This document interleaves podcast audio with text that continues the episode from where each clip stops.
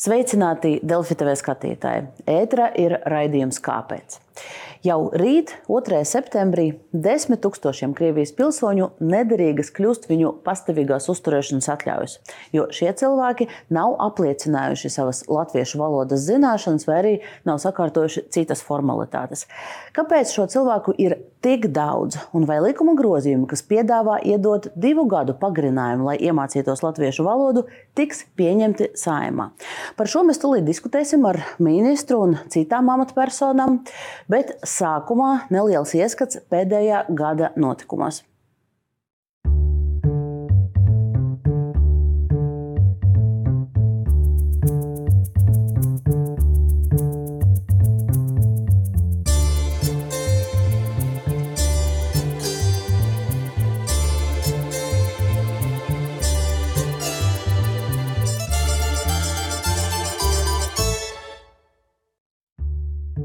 Pērn nedēļu pirms vēlēšanām Saima pieņēma grozījumus imigrācijas likumā. Cilvēkiem, kuri savulaik Latvijas pasi nomainījuši pret Krievijas pilsonību, piešķirtas pastāvīgās uzturēšanas atļaujas būs derīgas līdz 1. septembrim.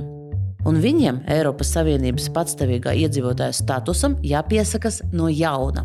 Viens no nosacījumiem, lai turpinātu dzīvot Latvijā, jākārto pārbaudījums, kas apliecinātu latviešu valodas zināšanas vismaz A2 līmenī kas ir otrs zemākais no sešiem līmeņiem.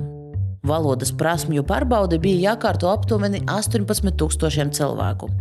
No eksāmena bija atbrīvoti cilvēki ar smagām veselības problēmām un vecāki par 75 gadiem. Pavasarī saima grozīja likumu vēlreiz. Tiem, kas līdz 1. septembrim ir kārtojuši eksāmenu, bet nesekmīgi, ļauj mēģināt vēlreiz līdz 30. novembrim.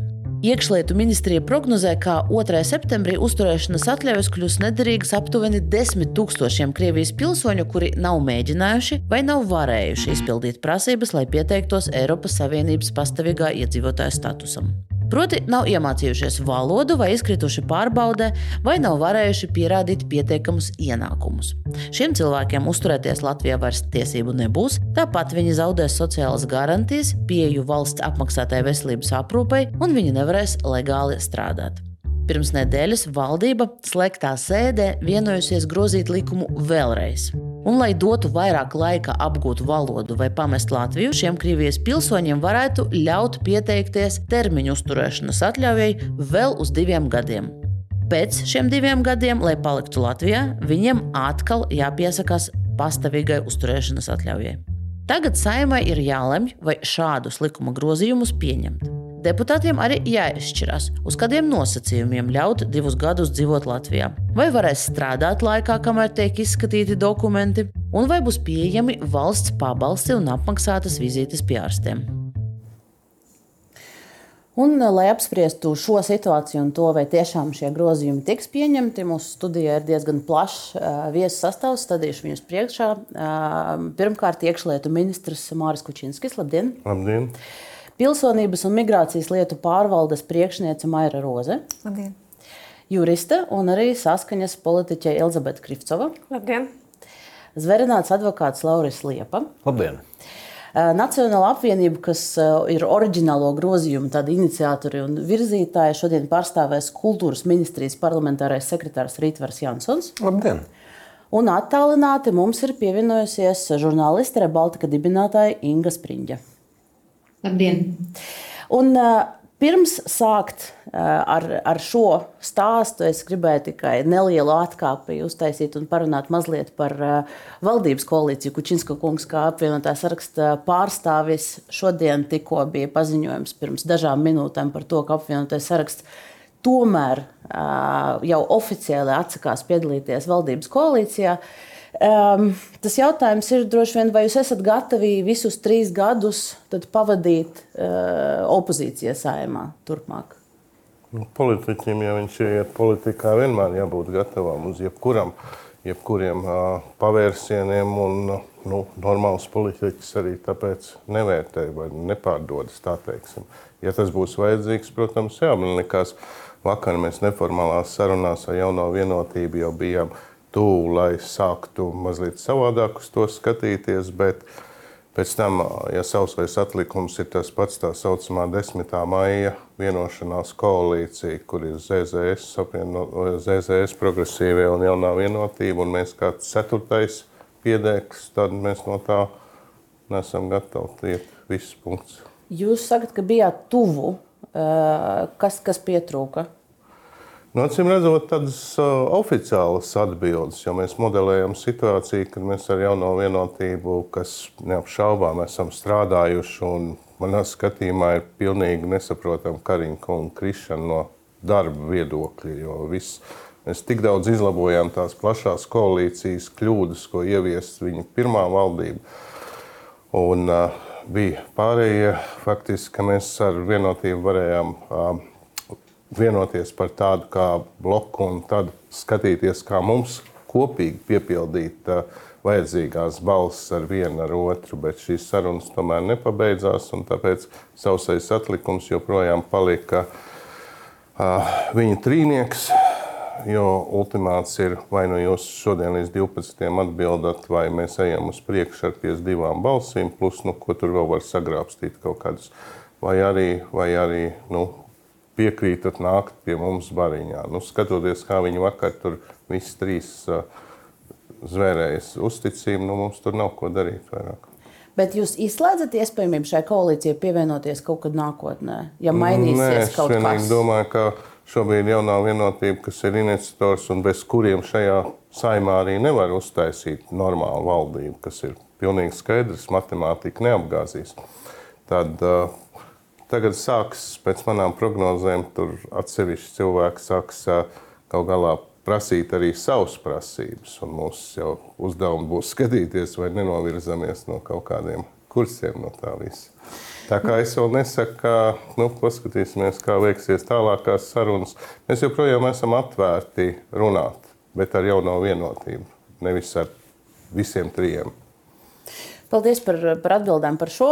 Un, un mēs tiešām sekosim līdzi tam, kā, kā šī politiskā spēle uh, realizēsies nākotnē. Bet, uh, bet tagad pie mūsu raidījuma temata, mēs uh, sāksim ar to, kāda šobrīd ir aktuāla situācija un kas tieši ir šie cilvēki, kuru uzturēšanas atļaujas varētu jau rīt uh, oficiāli zaudēt spēku.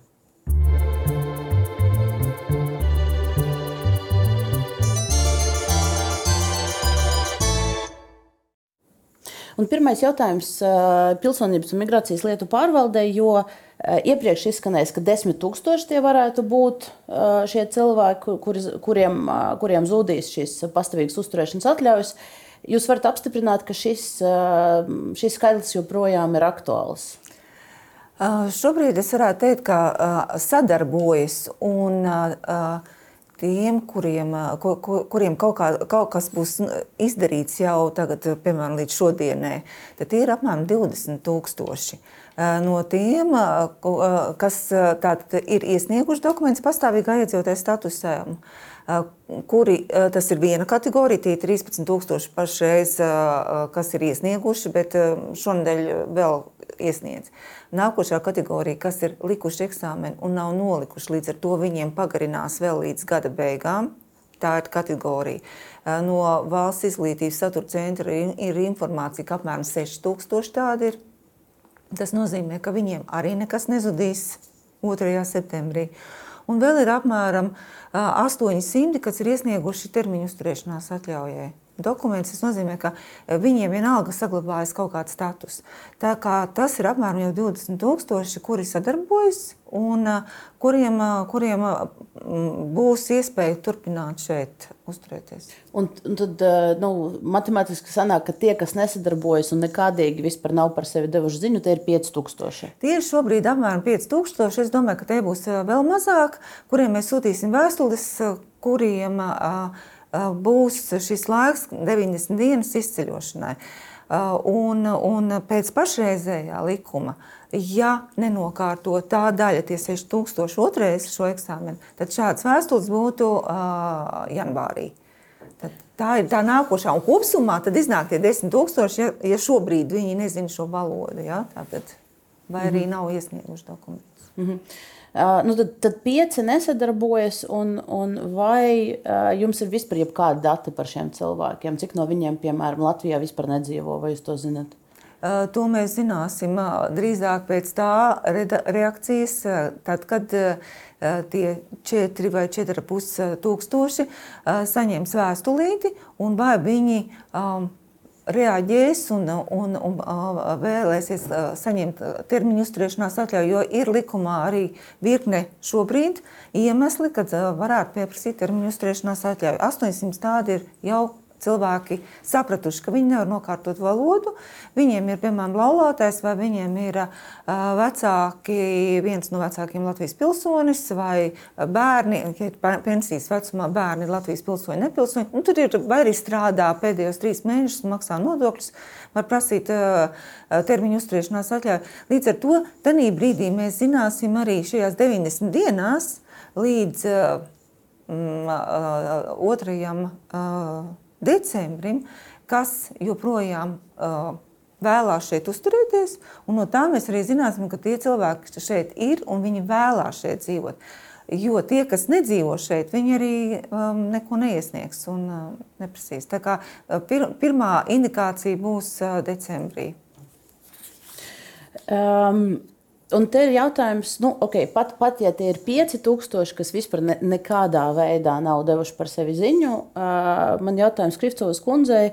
Mēs paaicinājām jūs uz šo raidījumu, jo regulāri jūs esat kontaktā ar, ar tiem cilvēkiem, uz kuriem attiecas uh, imigrācijas likuma grozījumi un šī prasība no jauna pieteikties uzturēšanas atļaujai, arī kārtot eksāmenu. Vai jums ir versija? 5000 ir ļoti daudz. 6000, kas, kas nav nokārtojuši un ir pietiekušies jaunam eksāmenam, cik no viņiem nokārtos, mēs arī nezinām līdz galam. Nu, mēs zinām, nē, nu mēs no tās statistikas, kas mums šodien ir par valodas kārtošanu, mēs zinām, ka iepriekšējā posmā 50% nenokārtoja, tagad 80% nenokārtoja. Nu, droši vien uz novembrī tur būs vairāki tūkstoši, kas nenokārtos, kam vajadzēs kā, vairāk laika un ko, ka, ko viņi varētu izdarīt, bet viņiem vajadzēs laiks. Tāpēc tādi cilvēki būs. Tagad arī ir cilvēki, kuri neko neiesniedz tādēļ, ka viņi bija pārāk ilgi projām, kas bija, kas bija atļauts pēc iepriekšējā likuma, kas, kam, kas neatbilst finanšu prasībām. Un viņi vispār neko neiesniedz, jo viņiem nav jēgas. Viņiem pat nav jēgas pieteikties, tur, kārtot latviešu valodu, jo viņi, nu, viņiem nesanāk uz to 1. septembrī iesniegt nepieciešamus dokumentus. Bet kāds ir šo cilvēku, ja jums ir zinām, zinām šādi cilvēki, kāds ir viņu plāns, jo ir skaidrs, ka neiesniedzot neko, tad, tad viņi vienkārši nu, nogaida nu, un cer uz kaut ko vai... Nē, nu, ja viņiem nav izredzu saņemt, nu, viņi cer kaut kā nu, nu, izdzīvot, nezinu, tur paslēpties kaut kā. Es nezinu, ko viņi. Dažreiz viņi nav pietiekami atbildīgi. Nu, cilvēki vakardien, cilvēki ziņo. Es mammai prasīju, tu iesniegsi, iesniegsi. Viņa man solīja, solīja zvanu vakardien. Viņa neko neiesniedza. Ko darīt? Jāskrien kaut kur. Nu, Tas situācijas ir, ir ļoti, ļoti dažādas, un ņemot vērā, cik bieži mainās tā likumdošana. Kāda tur sākumā nevarēja kārtot latviešu valodu, trūka vietas, pēc tam parādījās vietas, pēc tam tur vēl kaut kas mainījies. Un daudzi ir sajukuši. Un līdz ar to Viņi nav viņam nekāda liela plāna. Viņi tāpat ir sajukuši un viņi sajukuši arī uz, uz šodienu. Tādēļ nu, tie būs gan uz 1. septembrī, tie būs tūkstoši, gan uz 1. janvāri, arī tie būs tūkstoši, kur nepaspēja nokārtot savu statusu. Es gribēju iesaistīt uh, Ingu Sprinču šobrīd uh, Rebaltiku un Dagopils medijiem Čaika. Nu pat noslēdzies uh, mobilās redakcijas projekts, tur nedēļa pilsētas centrā. Jūs uzklausījāt uh, Dagopils iedzīvotājus. Uh, Mēs uz ekrāniem redzam, kā dzīvē tas izskatījās. Un tas, ko es gribēju prasīt, nu, tad, tu, Inga, jūs rakstījāt Facebookā, citēšu, esmu mainījusi viedokli un uzskatu, ka šie grozījumi sakotnēji bija vajadzīgi, jo tie lika šiem Krievijas pilsoņiem aizdomāties par valsti, kurā dzīvo. Tādēļ man ir žēl, ka tagad tos plāno atlikt uz diviem gadiem. Uh, Par, par jauniem grozījumiem, grozījumu grozījumiem mēs vēl runāsim, bet, bet vai jūs varat pastāstīt, kas lika mainīt viedokli? Kāpēc jums tagad šķiet, ka tomēr tiešām vajadzēja šo tādu piespiedu mehānismu?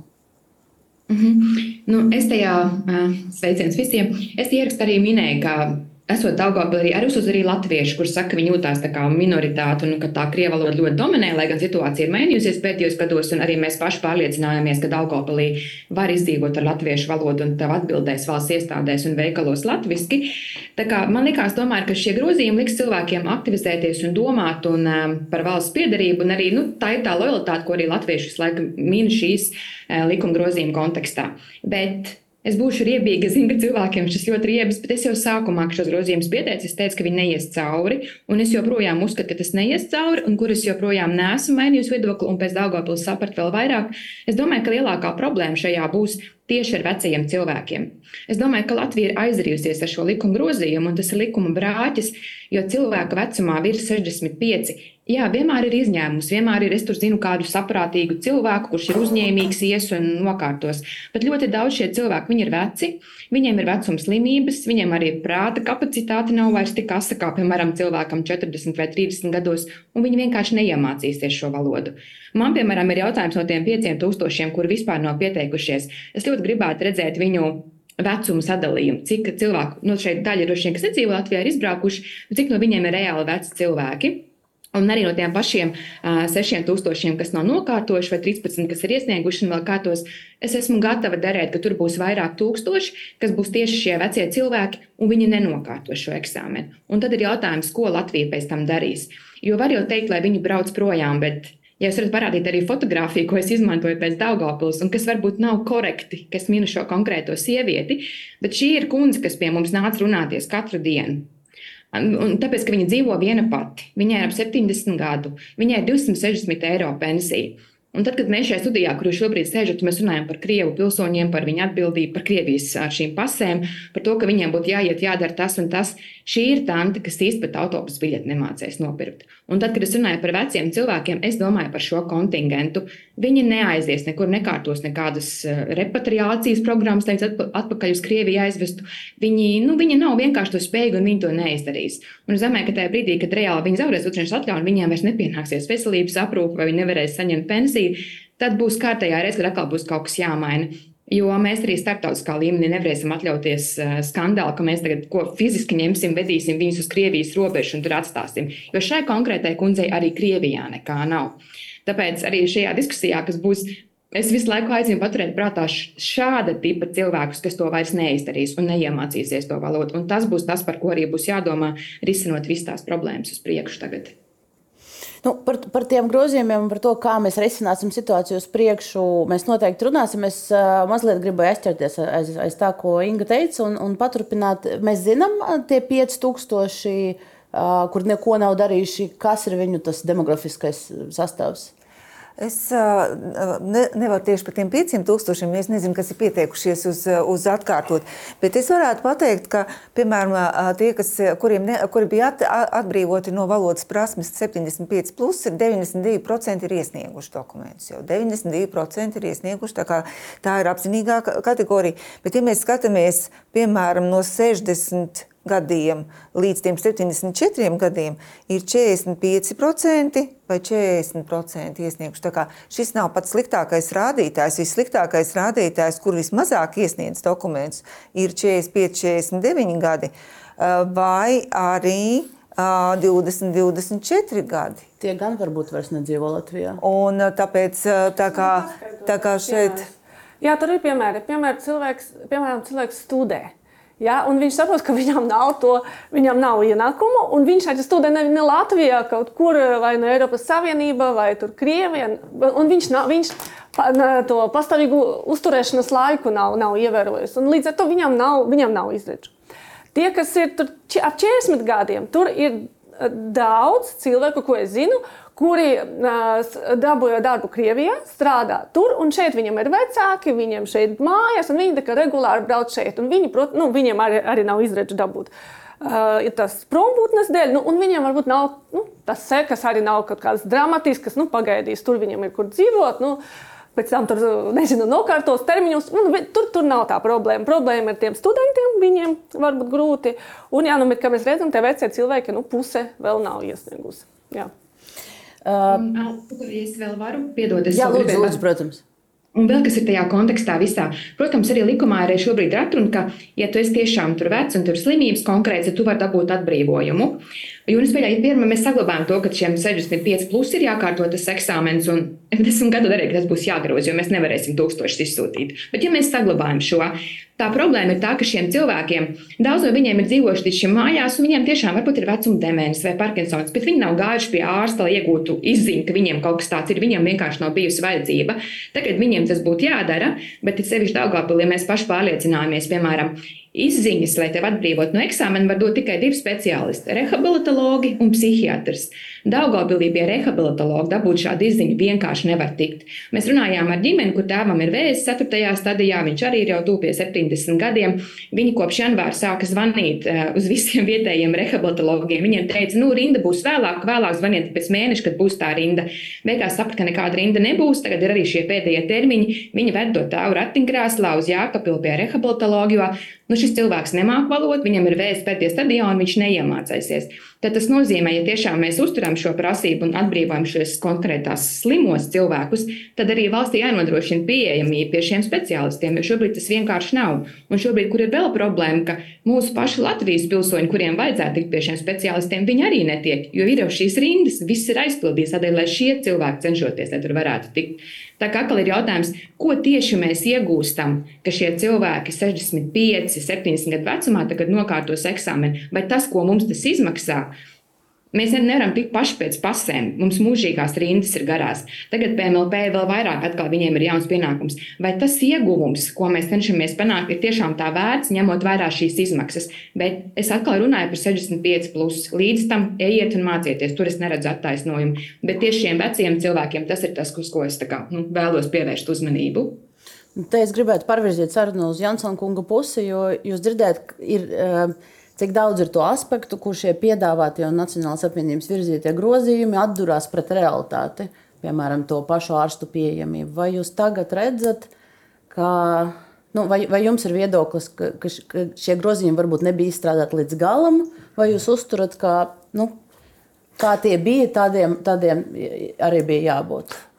Tātad šie grozījumi bija kompleksi grozījumi. Tie nebija tikai par šo pastāvīgās uzturēšanās atļauju izbeigšanu un jaunu prasīšanu Krievijas un Baltkrievijas pilsoņiem. Un šajā gadījumā arī nevajadzētu akcentēt, ka tas ir domāts kaut kāds speciāls grozījums ko Nacionālā apvienība ir vērsusi pret veciem slimiem Krievijas pensionāriem, lai kaut kā atrieptos vai tam līdzīgi. Uh, arī Krievcovs kundze minēja, ka uh, šajā kategorijā Krievijas uh, pilsoņi, kuriem ir pastāvīgā uzturēšanās atļauja, ietilpst darba spējīgi cilvēki 40, 50 gadi, kur braukā uz Krieviju. Un, kā zināms, Krievija ir agresijas izraisītāja Ukrajinā un agresors ne tikai pret Ukrajinu, bet arī šobrīd pret NATO valstīm. Un līdz ar to pastāv reāls drošības risks, ja cilvēks brauc uz Krieviju, strādā tur, iegriežas pēc tam šeit, Latvijas Republikā, loģiski, tas ir drošības risks, jo viņš var būt savērvērts Krievijas interesēs. Līdz ar to tas ir tikai saprotami, ka uh, valsts drošības dienas citas institūcijas pārbauda šos cilvēkus. Uh, par uh, latviešu valodas prasmi. Uh, arī vecumā nu, līdz 70 vīrieši iekļaujās un iekļausies vēl, vēl vairāk darba tirgu, jo nu, tāda ir Latvijas uh, realitāte. Nu, kā tad viņš te darba tirgu iekļausies bez valsts valodas uh, prasībām? A2 ir ļoti elementārs līmenis arī šiem pensionāriem, lai kontaktētos uh, ar Latvijas valsts iestādēm, ar Latvijas sabiedrību. Un kāpēc Krievijas pilsoņiem būtu kaut kāds speciāls izņēmums status? Salīdzinot ar citu trešo valstu pilsoņiem, ka viņiem nav jāzina valsts valoda elementārā līmenī. Kāpēc, piemēram, latviešu jauniešiem, latviešu ārstiem, latviešu iestāžu darbiniekiem būtu speciāli jāzina krievu valoda, lai ar viņiem kontaktētos? Ja? Nu, šādi jautājumi arī no šāda aspekta skatīsimies šīm lietām. Jūs atbildējat uz vienu, uz vienu no, no tādiem kritikas aspektiem, bet vēl Inga minēja šo speciālistu pieejamību. Proti, pat cilvēki, kur, Jā. kuram jā, būtu jābūt atbrīvojumam, Jā, netiek. bet tajā pašā laikā mēs zinām gadījumus, ka bērni netiek pie ārstiem, neskatoties uz pilsonību, neskatoties uz tautību. cilvēki netiek pie tiem pašiem rehabilitologiem, psihiatriem, gaida rindās. Tā nav speciāla vēršanās pret Krievijas pensionāriem, piedodiet, bet nu, tā ir kopējā medicīnas problēma. Viņi, kāpēc taisīt atkal speciālu izņēmumu tieši Krievijas pensionāriem apiet citas šīs te, uh, rindas, lai, lai citi netiek pie, pie medicīnas pakalpojumiem? Klāt. Nu, tad ir būtībā jārisina komplekss šis jautājums visā medicīnas sistēmā, nevis atkal jāizceļ atsevišķi Krievijas pensionāri. Eh, okay, mēs, mēs dzirdējām jūsu, jūsu atbildēs. Inga gribēja mm, palūgt, vai, vai jums ir kāds pret, pretarguments, un, ja nav, tad es uh, Liepskungu gribēju iesaistīt. Es vēl vienkārši, jā, es domāju par to, protams, ka nevajag radīt šiem cilvēkiem speciāli nodrošināt vēl psihiatrus vai rehabilitologus, bet tieši tāpēc es saku, vienkārši atceļam šai grupai. Jā, var strādāt 70 gados, bet šie cilvēki ir dzīvojuši tāpatās, līdz šim viņi ir iztikuši pēc tās valodas, un plus viņi ir pensionāri. Cik no viņiem patiesībā strādāt, tas arī tāds, manuprāt, retorisks jautājums no abām pusēm, kas attiecas to, ka arī bērniem nav pieejams vai citām visām grupām. Jā, nav, un tas ir traģiski, ka Latvijā nav pieejama pieeja pie šiem speciālistiem, bet šie bērni nezaudē. Pasieties, ko šie cilvēki zaudēs. Viņi zaudēs savu personas kodu, līdz ar to viņi zaudēs bankas kontu, viņi zaudēs pieeja veselības aprūpei. Es domāju, ko tas tīri praktiski nozīmē šī pati kundze, ko es rādīju tajā fotogrāfijā. Viņa atnāks tagad pie ārsta, ārsts konstatēs, ka viņa uzturās Latvijā nelegāli, un tad, kas ārstam būs jāziņo robežsardzē, ka rekur šeit ir viens cilvēks, kas uzturās nelegāli, Un es domāju, ka tie būs tūkstošiem cilvēku, kas būs šādā statusā. Tad arī kādā situācijā un pozīcijā mēs noliekam ārstus. Var runāt par to, ka viņiem ir jāmāk. Jā, var runāt, bet noteikumi tika mainīti tagad. Šīs valodas prasība tika mainīta tagad. Tas netika prasīts pirms 30 gadiem, arī šis arguments, ka viņiem bija 30 gadu laika, lai iemācītos valodu. Es piekrītu, viņiem vajadzēja, bet viņi neiemācījās. Noteikumus mēs mainām šobrīd. Un šobrīd šī retorika, ka vajadzētu un kompleksie risinājumi šīs mūžīgās frāzes, tas neko neatrisinās. Mums tūlīt decembrī būs vairāk tūkstoši cilvēku, kuriem legāli vienkārši beigsies ļoti daudz visas šīs reālās izdzīvošanai vajadzīgās lietas, un tad atkal būs jātaisa kārtējie nākamie grozījumi. Varbūt var norīt grupu. Es saprotu, ka politiķiem ir grūti tagad atzīt, jo daļa sabiedrības šo nepieņems. Es arī redzu visu to naidu, kas pret mani vēršās sociālajos mēdījos, dēļ tā, ka es par šo runāju. Bet šeit nav nekāda krieva atsevišķa pensionāra aizstāvība, šeit ir vienkārši par reāli izpildāmām prasībām runa. Kučinska kungs, jums, jums jautājums, eh, vairāk scenāriju izskanēja, kā tad šī izraidīšana izskatītos, ja mēs, ja mēs šobrīd eh, tā pagarināšana uz diviem gadiem vēl nav notikusi, jo saima nav pieņēmusi lēmumu, un, eh, un likums ir tāds, kāds tas ir. Kā, kā tas notiek? Tiešām, vai, vai kurā brīdī konstatē, ka cilvēks nav ar tiesībām uzturēties Latvijā, un kā tas cilvēks un kā tas cilvēks pamet. Tiešām tas varētu notikt pie ārsta vai saskarsmē teiksim, ar pašvaldības policiju, un tad uzreiz uz robežas sardzi un uz robežu, vai kā tas dzīvē būtu. Jā, nu tas ir tas, ar ko es griezos ministrs kabinetā pie premjera, norādot uz zināmiem riskiem un kāpēc arī, arī, arī uh, tika šobrīd diskutēts un ir inicēts grozījumi. Uh, tas izskatītos, un Maija man mazliet paprecizēs, acīm redzot, ka pēc uh, viss pazūd arī ar vai bez grozījumiem, bet viss šodien jau rītā viss ir pazudis visiem cilvēkiem. Tātad jau rītā viņiem nav, nav visas minētās pieejas. Kaut kur uh, pēc 90 dienām PMLP meklē viņas rokā pēc 60 paprecizē. es varbūt pa ministram palīdzēšu, tāpēc, ka tā ir mūsu kompetence. Es jau, ja? par robežsardzi. Par robežsardzi, jo īstenībā tajās 90 dienās tā, tas, tā, mēs izsūtīsim vēstuli šiem cilvēkiem, kuri, kuriem uzturēšanās atļauja būs zudusi, ka viņam 90 dienu laikā ir jāizceļo līdz 2. decembrim.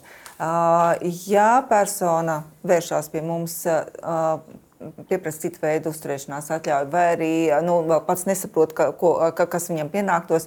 Jā, ja viņam nepietiek izceļošanai laiks, viņš var vērsties un uh, lūgt, uh, lai viņam izsniegtu izbraukšanas rīkojumu. Bet izbraukšanas rīkojumi paši kā tādi, ja viņš aiziet pie ārsta, uh, ja mums ir jāizsniedz izbraukšanas, jo tas ir kā pagarinājums tām 90 dienām, lai varētu cilvēks izceļot. Ja? Bet ja viņam uh, ārsts uh, konstatē, ka Tad informācija mums nonāk, ka šis cilvēks nav izceļojis. Viņš, un, ir, viņš ir notiek? šeit. Tas Jā. nozīmē, ka mēs viņu aicinām ka mums viņam ir jāizsniedz izbraukšanas rīkojums. Un tajā brīdī mēs sākam vērtēt, cik viņš ilgi šeit ir dzīvojis, kādi viņam ir vēl apstākļi. Varbūt viņam tomēr šeit ir tie bērni, vai viņš arī ir nu, kādas tās. Varbūt viņam, viņš nezina, ka viņam vēl pienākās uzturēšanās atļauja. Mēs viņam to izstāstīsim. Mēs uzreiz viņu neviens viņu neraidīs ārā. Bet, bet to visu jūs sāksiet vērtēt un skatīties brīdī, ta, tikai tad, ja šis cilvēks pie jums atnāks tad, pēc šī rīkojuma. Tā tad viņa, jā, mēs viņam informēsim, ka viņam jāierodās pēc izbraukšanas rīkojuma. Tad, kad viņš atnāks, tad mēs redzam, ka viņš tiešām nav pildījis šīs 90 dienu laikā, neko nav izbraucis, ka viņam pienāktos pēc likuma izbraukšanas rīkojums. Bet, lai pieņemtu šādu lēmumu, mums šis ir individuāls lēmums, un viņš ir ļoti nopietni jāizvērtē. Jo cilvēki ir dzīvojuši ļoti daudz gadus, kas, kādas viņam ir saistības šeit, vi, eh, un, un visas sekas. Tas nav vienkārši jautājums. Un šī eh, stāsta par piespiedu izraidīšanu. Nu, tas ir tikai stāsti, tāpēc ka pirmkārt, ja sliktākajā gadījumā tas ir brīvprātīgā izbraukšana, un arī robežsardze, piemēram, nav tiesīga šajos gadījumos pieņemt lēmumu par izraidīšanu. Kāpēc? Šo, šo likums šajos gadījumos, kad personas dzīvo tik ilgstoši Latvijā, šādus uh, izbraukšanas rīkojumus drīkst pieņemt tikai un vienīgi pilsonības migrācijas lietu pārvalde. Un, ja persona ar to būs nemierā, viņam vēl ir tiesības, protams, arī griezties uh, apstrīdēt pārvaldes priekšnieku un pēc tam arī tiesā. Šeit mēs nonākam pie realitātes, ka būtībā lielu daļu to veco cilvēku nedrīkst izraidīt. Jā, PMLP, ja valsts pildīs eh, likumus un starptautiskas saistības, tad viņus izraidīt nevar. Un viņus vienkārši var atstāt bez uh, medicīnas, bez pensijas, bez nekā, tā kā izspiest. Bet tā, tā, tā doma, ka viņi pametīs valsti un mums te drošība iestāsies, nu, tas, tas nerealizēsies. Bet tagad, ir, ja, ja mēs domājam par šo cilvēku grupu, un ņemot vērā to, ka 5000 nav arī šī gada laikā, šā gada laikā mēģinājuši kaut kādā veidā sazināties ar, ar PMLP, mēs varam prezumēt, ka viņi visticamāk vienkārši ignorēs tos uh, aicinājumus saņemt izraidīšanas, uh, izraidīšanas šo rīkojumu. Jo, nu, uh, Jo, jo šis nav tāds patīkams solis, iet, iet un saņemt šādu, šādu dokumentu. Tad tā reāla situācija būs, ka tie cilvēki vienkārši turpinās kaut kā paralēli eksistēt. Mēs nezināsim, ko viņi dara. Viņa Tas nenāks šeit, pēc. Mums jāpaskatās ļaunākais scenārijs. Tas ir to vecāku ļaužu gadījums. Tur ir tā, ka likumu nevar izpildīt un sākas tādas mokas, ko ar viņiem darīt. Bet ir, ir ļaunākais scenārijs, ka, protams, ir cilvēki, ko nu, tur var izraidīt. Tad uh, sākās, ko, ko mēs ar viņiem darām. Mums ar Krieviju, Eiropā ar Krieviju nav readmisijas līguma. Arī mēs nevaram. Kā, viņi nesadarbosies ar Latviju to nelegālu imigrantu saņemš, sa, uzņemšanā. Ja tā ir kaut kāda ģimene ar bērniem, ja tie ir nu, tādi veci cilvēki, bet nu, kaut kādu iemeslu dēļ viņiem tomēr no, nolēma, ka ne, izraidīsim, vai kā jaunais ministrs atnāks stingrāk, vērtēsim, vairāk izraidīsim, tad mums viņi ir jānostāda uz robežas.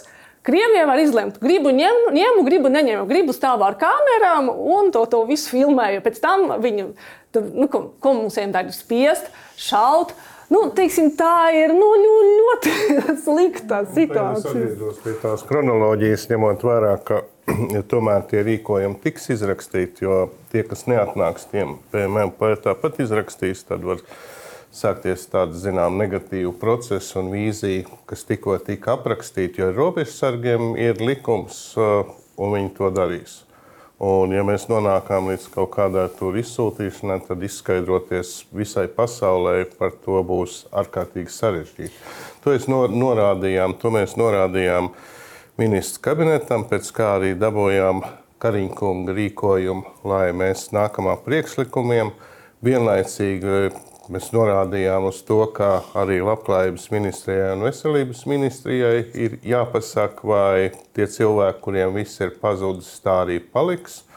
Un, uh, atgriežoties ministrs kabinetā, mūsu priekšlikums uh, faktiski mēs modelējam tikai uz tiem, kas kaut ko ir mēģinājuši, kaut ko ir mēģinājuši, uh, nevis vēl dodot iespējas, bet iznācām no turienes ar vienbalsīgu uh, ar vienbalsīgu, pie tam ar vienbalsīgu, to es gribu pieminēt. Un lai kāds nesaka, ka bija savādāk. Nu, es- es jo varbūt- riski bija riski, tie riski, uz kā tika norādīts, salīdzinoši augsts provokācijas un, un tās iespējamības ir pietiekoši liels draudz Latvijai, lai mums to būtu jānovērš.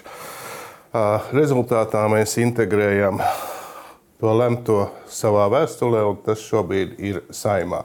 Kāpēc? Viņš jau diezgan vienkārši tiek noņemts tiem, kas kaut ko, kas uzrakstīs iesniegumu, tiek noņemts tas, ka viņiem netiks sniegt nekādu vairāk pakalpojumu pieeja pensijai.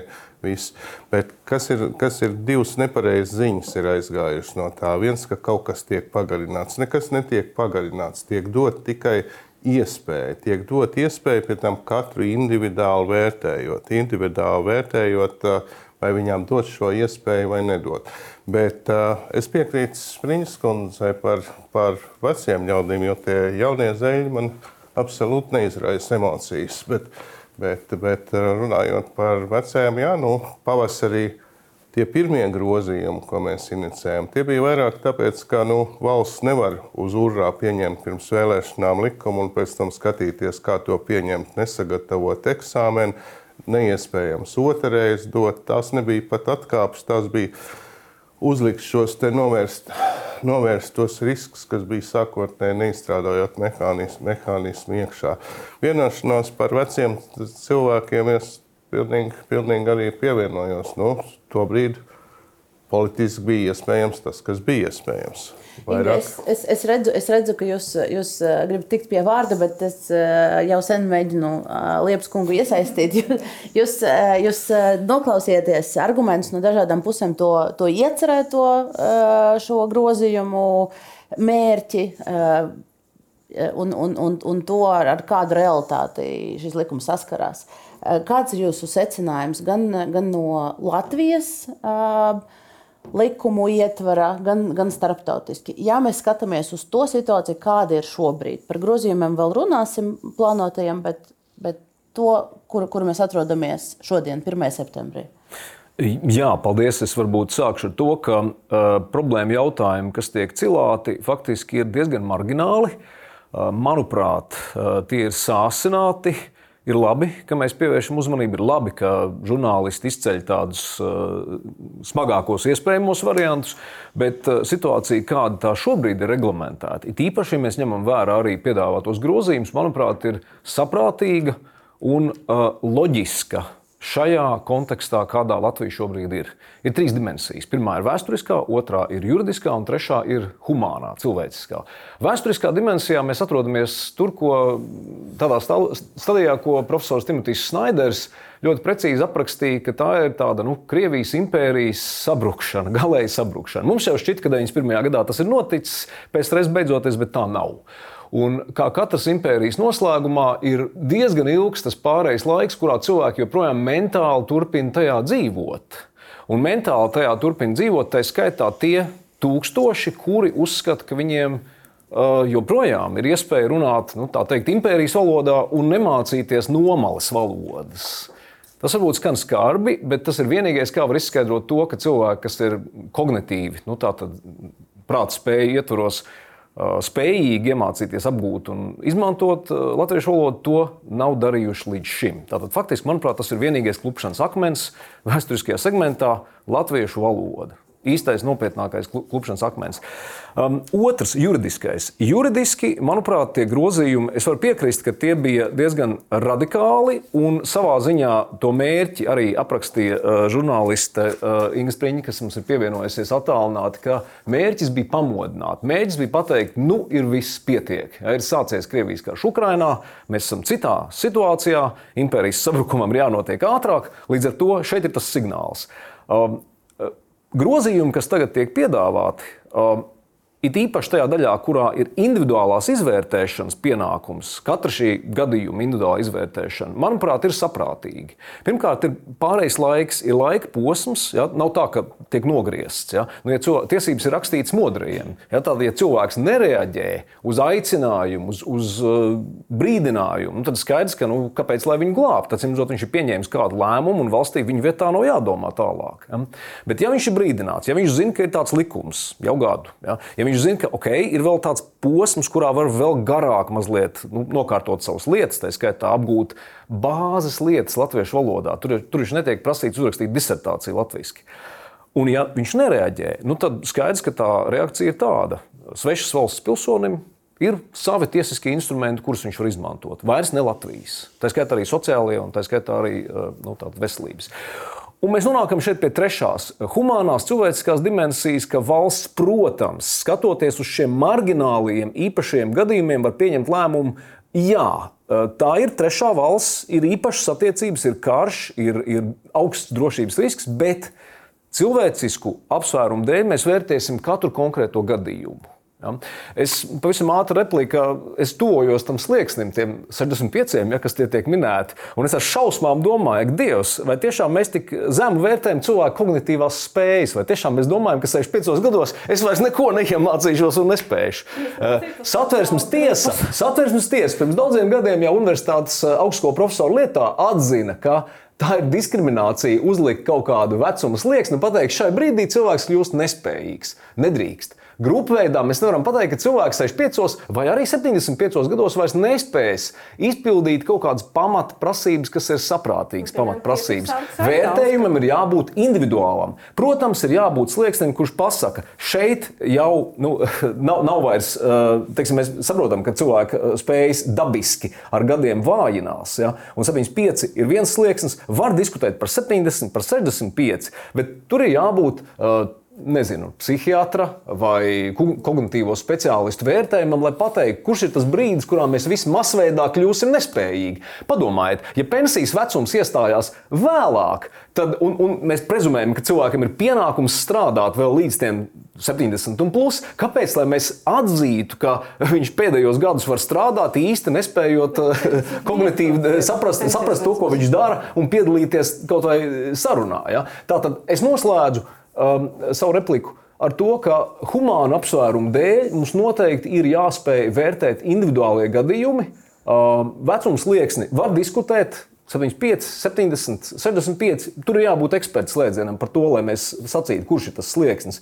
Un individuālais vērtējums ir jāspēj nodrošināt. Un, un man arī sāp, uh, nu, tā ir, ir tā, ka valsts uzliek pienākumu, un tā ir jāspēj nodrošināt, lai šo pienākumu var izpildīt. Ja, tātad, ja šobrīd Daugopilī vai reģionā, kurā ir liels pieprasījums, nav medicīnas speciālistu, nu, tad acīm redzot, ir jānodrošina, ka tiem cilvēkiem ir kaut kāda veida pieeja, lai viņi saprātīgā termiņā var to izmantot. Ja.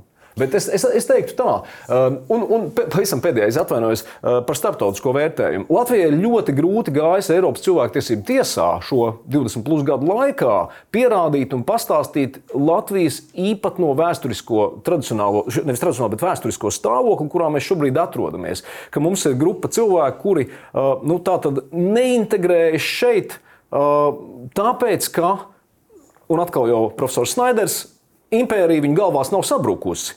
Un tikai pēdējos gados, tagad ar uh, Savicka lietu, mēs uh, redzam, ka arī Eiropas cilvēktiesība tiesa kā fórums sāk saprast Baltiju, Latviju. Un tādā ziņā es domāju, ka, ja mēs uh, nevis klusējot kaut ko darīsim, bet stāstot un skaidrojot to darīsim, tad starptautiskā līmenī tā varētu būt debata, bet tā nav automātiski nolemta neveiksmēji. Inga ļoti, ļoti emocionāli reaģēja jūsu, jūsu replikas laikā. Es, es gribētu iedot vārdu. Tu, tur ir pretargumenti, tā varēja nojaust. Es tieši tādēļ iesāku savu šo visu runu ar tās konkrētās dāmas fotografiju. Jo šis ir tas, ko es visbiežāk dzirdu, ka cilvēki vērtē tos cilvēkus, kuriem tiek grozījumi attiecās pēc savas perspektīvas. Es domāju, ja Liepas kungs būtu dzīvojis visu mūžu ar 260 eiro pensiju, nu, pensijas vecumā un, un ar to izglītības un veselības aprūpas pieejam tā tālāk, varbūt jums arī būtu citas kognitīvās spējas. Bet, protams, tas atkarīgs no fiziskā, no citiem apstākļiem. Bet tieši tāpēc es saku, ka mēs nevaram sēdēt šādā Rīgas privileģētā dzīvoklī un runāt par visiem cilvēkiem. Katram ļoti atšķirās tās kognitīvās spējas.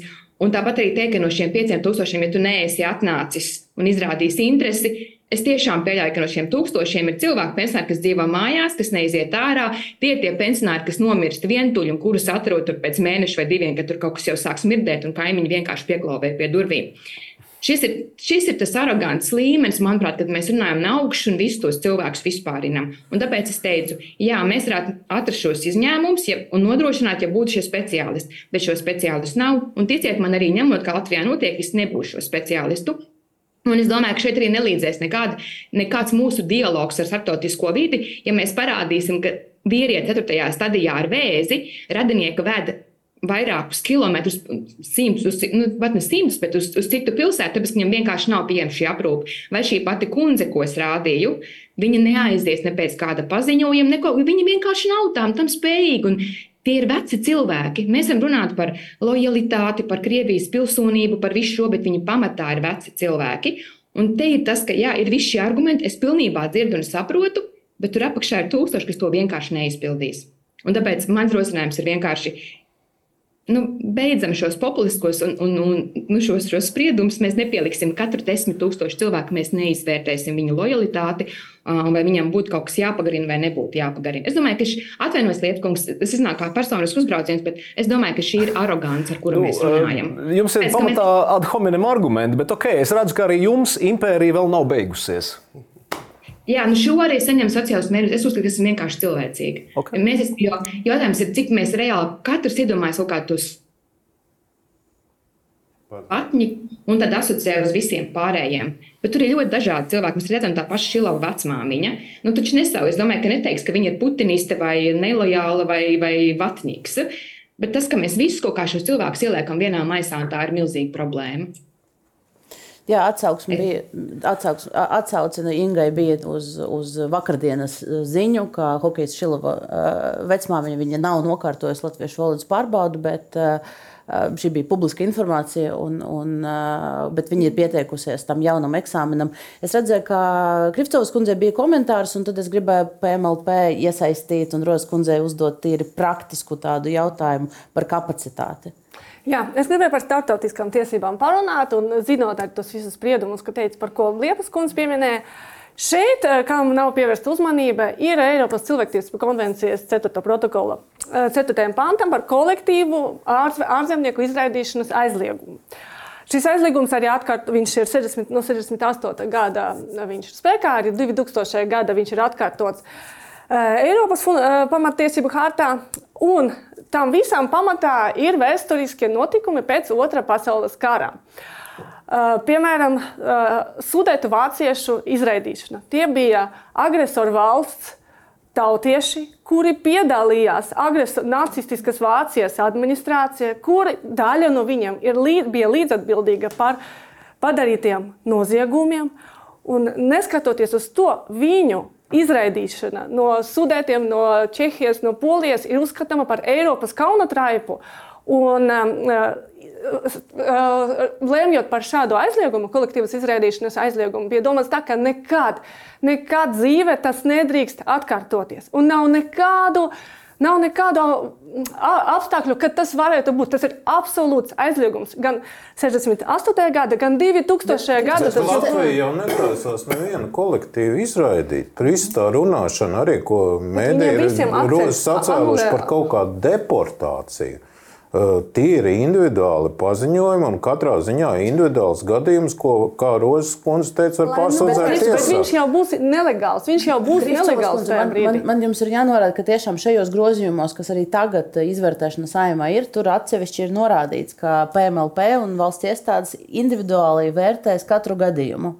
Nē, tas ir nē, tas, kas tagad... viņam, viņam kolektīvi anulē, ja, ja, un ja viņš, ne, ja viņš kaut ko dara, viņam var atjaunot. Bet kolektīvi neizraida. Izra... Nē, nē, nē. Ja, viņš, ja, ja viņš, neko, ne, ja viņš ne, nebija spējīgs neko izdarīt, tur nesaprata, vēl kaut ko nepaspēja.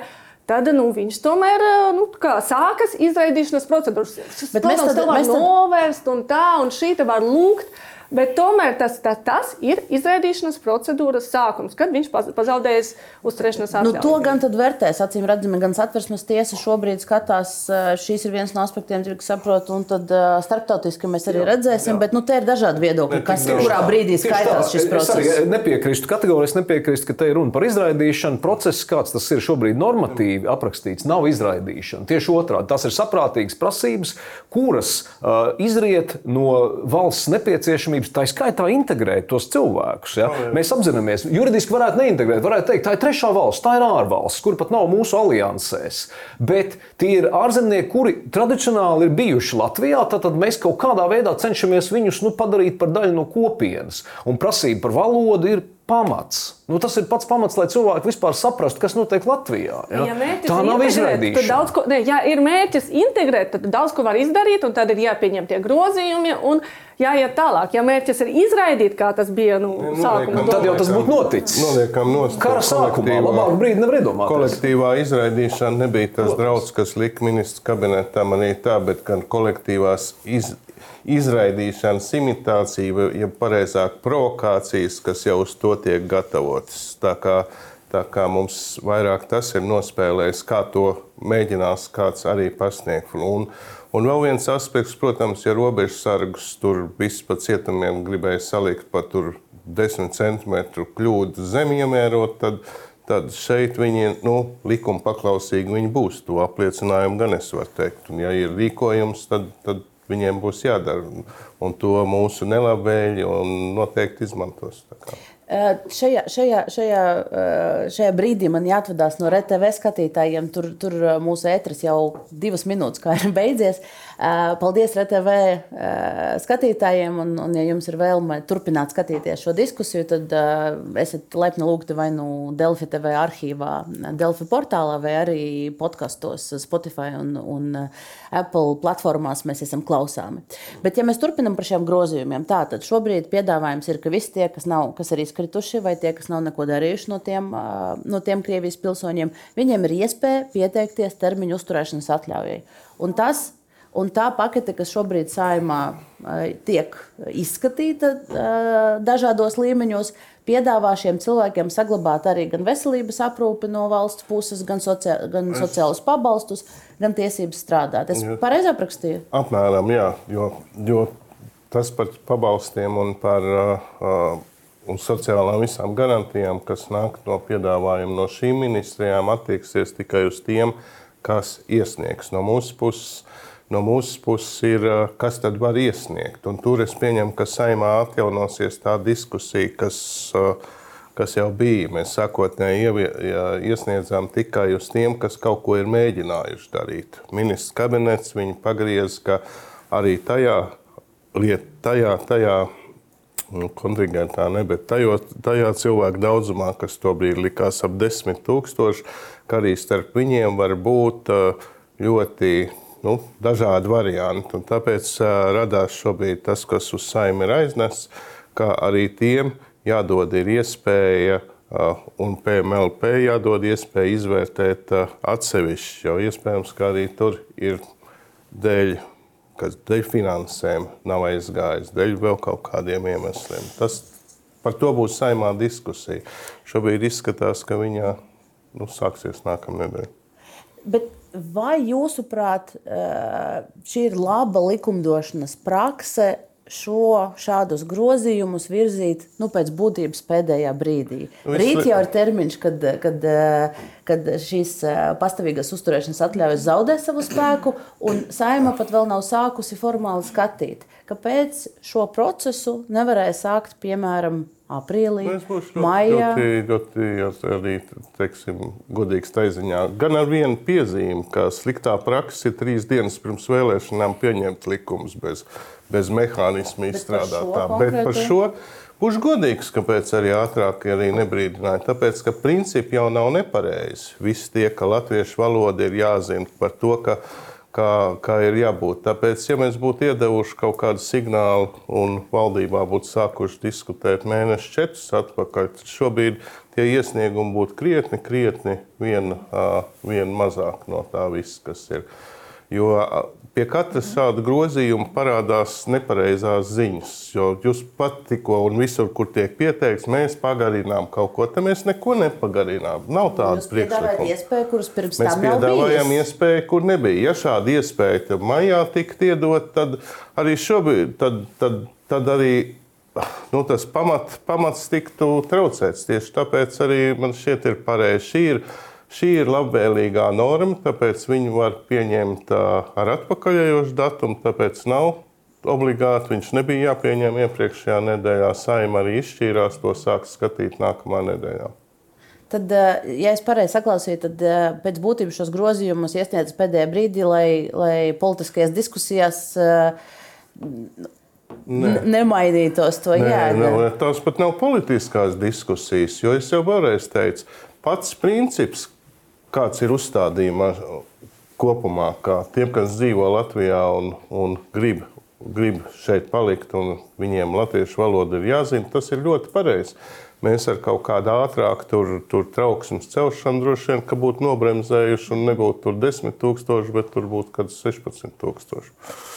Jo viss cerēt uz kaut kādām iespējām. Arī šobrīd ir ļoti, ļoti daudz viltus cerības. Kā vēlreiz saku, viltus cerības, domājot, ka automātiski pienāksies šie divi gadi. Tad nekas nepienāksies. Vienīgi man ir drusciņš žēl.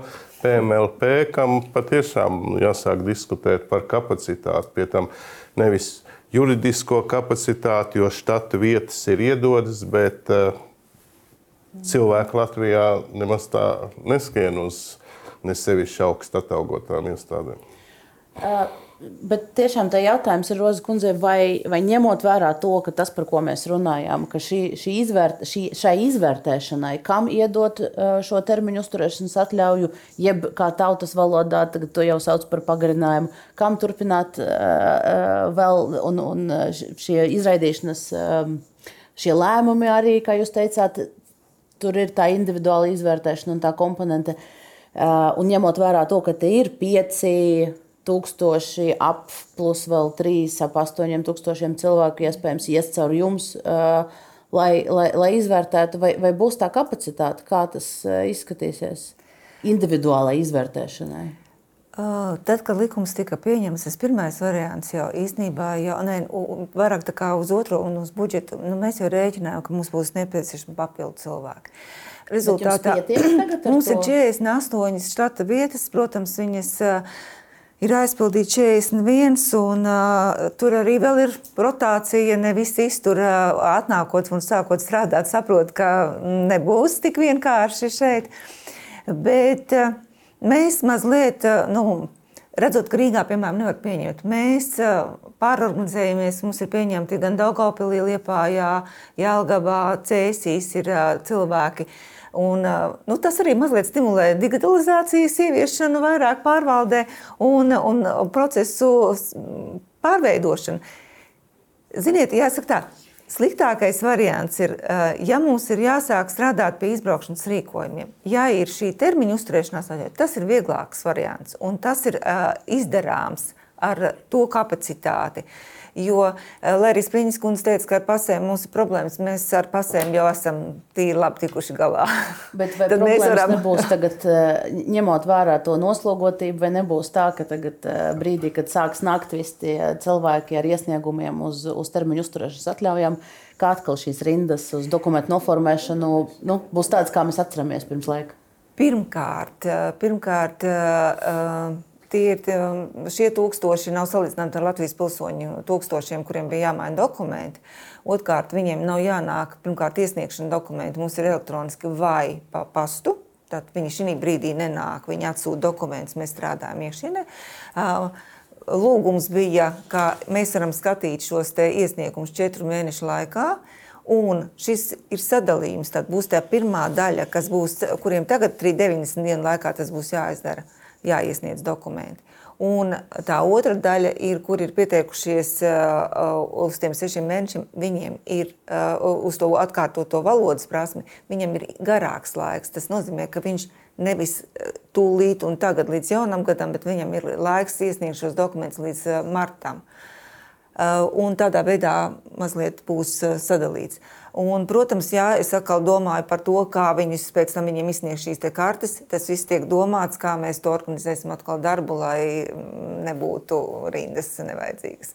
Nu, labi, mēs sekosim līdzi. Uh, Jansons kungs, uh, pārunājām šīs plānotas šobrīd izmaiņas.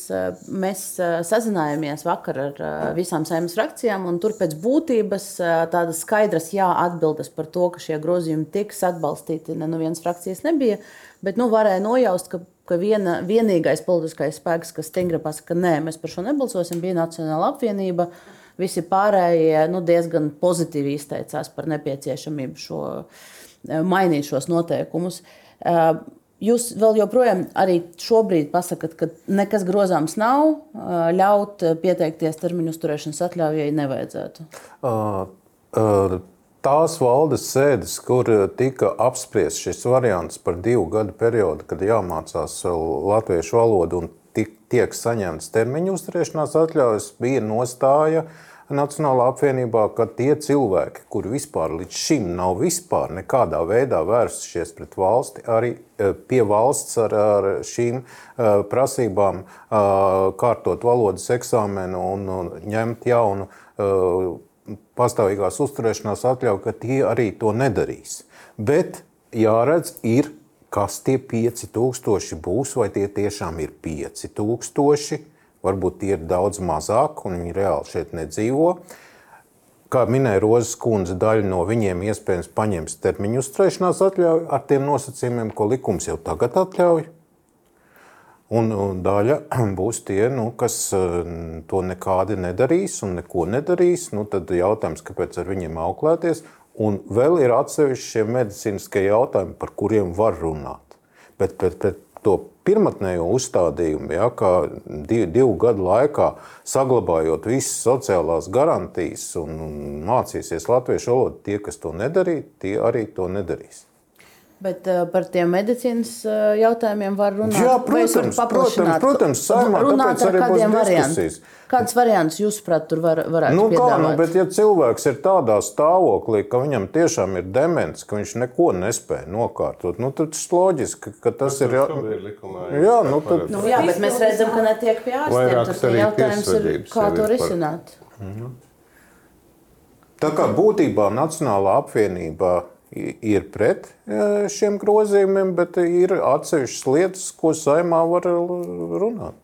Kučinskungs jautājums, ņemot vērā to, ka, kā mēs sākumā raidījumā jau runājām, apvienotais saraksts ir paziņojis, ka koalīcija neiesaistīsies. Tad, tad, tad arī būs e, cits, gan iekšlietu ministrs, gan arī tie, tas konsensus koalīcijā. Kā, kād, kāda ir jūsu prognoze? Šie grozījumi, kādi tie tagad ir iesniegti, tiks atbalstīti un cik ātri?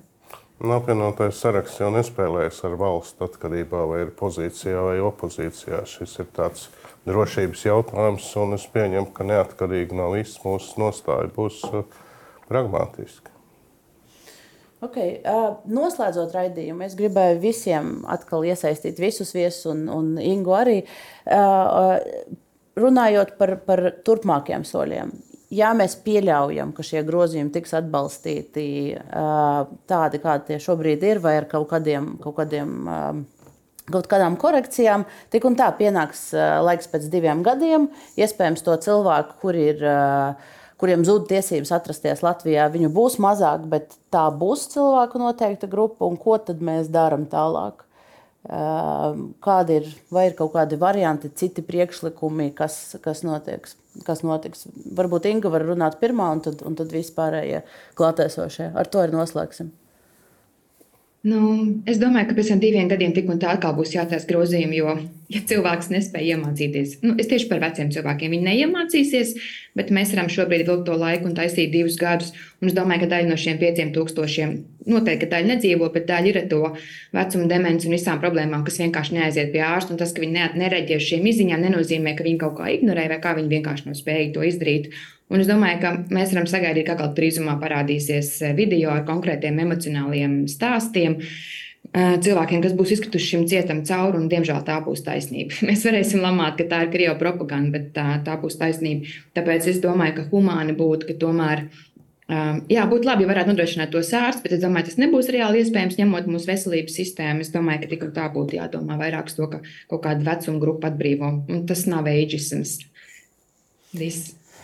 Uh, jā, paldies. Ir, ir, ir citi viedokļi. Divi gadi paies, uh, mazliet vairāk ņemot vērā to, ka tur ir tas pieteikšanas termiņš. Bet, uh... man tieši arī jautāja, kāpēc divi gadi vēl iepriekšējā dienā. Nu, divi gadi ir tāpēc, ka faktiski jau viņš saņems šo iespēju uz diviem gadiem pēc kaut kādiem pieciem mēnešiem. Tātad tur paliek līdz vienam gadam ļoti maz laika, tāpēc mēs ņēmām to minimālo, cik tas ir arī iespējams. Vai vajadzēs vēl? Grozījums. Es domāju, ka, es domāju, ka nevajadzēs vairāk grozījumus. Tāpēc, tāpēc ka PMLP jau minēja ļoti daudz arī dažādas interpretācijas, ne, bet uh, ir iespējas, un kas nu patiešām nemīl šo valstu, un kuram joprojām ir impērija prātā, nu, kaut kā palīdzēsim. Cilvēkam būs izvēle. Tā tad vai nu tā tad uh, rosīties, mācīties un, un, un, un, un, un tomēr mēģināt. Uh, otra izvēle ir izbraukt, un trešā izvēle ir uh, citu iemeslu dēļ saņemt termiņu uzturēšanās atļauju kas ir likumā vēl paredzēts cits termiņu uzturēšanās. Jo, ja mēs skatāmies arī tie ārzemnieki, kas tagad atbrauc, uz viņiem visiem attiec šie 75 plus, kad nav jākārto, pārējiem visiem ir jākārto valoda. Un, ja viņš nevar šo te, šos te, uh, valsts noteiktos standartus veikt, tad viņš turpina uzturēties ar termiņu uzturēšanās atļauju, ar to pamatu, ar, ko, ar kuru viņš ir atbraucis. Tādi cilvēki ir. Un, jā. Jā, es gribēju teikt, ka manuprāt, divi gadi ir pietiekams laiks, lai lielai daļai spējīgu cilvēku, nu, kas daudz maz vēl kustās, atrisināt šo problēmu tā vai citādi. Teiksim, tas iepriekšējais, kad tur katru treš, ik pēc trim mēnešiem jā, bija jaunie noteikumi, noteikti, ka ļoti liela daļa vienkārši ne, fiziski ne, nespēja to izdarīt. Divu gadu laikā lielākā daļa problēmas būs atrisināta. Bet, protams, arī tie vājākie, vecāki, nespējīgāki, glupjāki, viņi paliks. Jā, tā, tā sociāli visneaizsargāta daļa, vientuļie, pensionāri. Viņi, viņi paliks, ar viņiem kaut kas būs jādara. Bet, protams, tas tur jau nebūs tās tā kolektīvas izraidīšanas draudz, un tā būs tiešām neliela sociāli neaizsargāta daļa, par ko, es domāju, būs vieglāk pieņemt lēmumus pēc diviem gadiem, ko ar viņiem darīt. Nu, es teiktu, tā, es uzticos Latvijas tiesām. Es eh, teikt, katru nedēļu dodos uz kādu no procesiem, līdz ar to es redzu, ka ja arī būs regulējums, kas ir neatbilstošs vai kaut kādā ziņā pārmērīgs vai nepietiekams, tad tiesa to, protams, saulēcīgi, tīpaši šādā jutīgā tēmā, ja mēs runājam par vājāku sabiedrības locekļu eh, tiesisko stāvokli, viņu likteni, eh, tiesas to kritiski vērtēs. Es domāju, te mēs varam patiešām paļauties uz Latvijas tiesām. Bet es noslēgumā gribētu sacīt, ka Latvijā, kurā mēs esam aizvien novecojošāka sabiedrība, nevajag norakstīt vecos cilvēkus. Uh, nu, uh, jā, to diskusiju mēs jau daļai izdiskutējām, bet uh, te ir jāpiebilst, ka ir satversmes tiesas spriedums gaidāms jau jā. šogad, kā jā. var noprast. Tur pavasarī. pavasarī jā. nu, atkarībā no termiņiem. Principā tehniski sanāk 13 mēneši, bet satversmes tiesa var, protams, arī pagarināt. Jā. Nu, tur mēs arī jau redzēsim kaut kādas uh, iezīmes Noteikti. Uh, Noteikti. skatījumam. Jansson kungs, jums sanāk pēdējais vārds šajā raidījumā? Tiesas spriedumi, protams, jārespektē likumdevējiem. Bet um, arī runājot par starptautisko rezonanci, ja mēs no 90. gadiem nebūtu akli mutē skatījušies ECO un Eiropas padomē latviešu valodas politikā Latvijā, tad mēs arī pie šādas situācijas nebūtu nonākuši, kas šodien. Šis gan ir uh, temats vēl vienam raidījumam, pie, pie kā mēs varam arī palikt, jo noteikti arī par valodas, valodas politiku un, un latviešu valodas lomas stiprināšanu Latvijā mēs runāsim vēlāk šo sezonu raidījumā. Kāpēc? Jo pārējai uz izglītību latviešu valodā tikai latviešu valodā skolās šobrīd tādā noslēguma fāzē pēc būtības. Bet par šo diskusiju paldies visiem klātesošiem. Paldies arī Ingai Spriņģē, kas bija pieslēgusies attālināti. Kaut ko mēs atrisinājām, kaut ko sapratām, bet noteikti turpināsim runāt vēl. Paldies vēlreiz un tiekamies pēc nedēļas.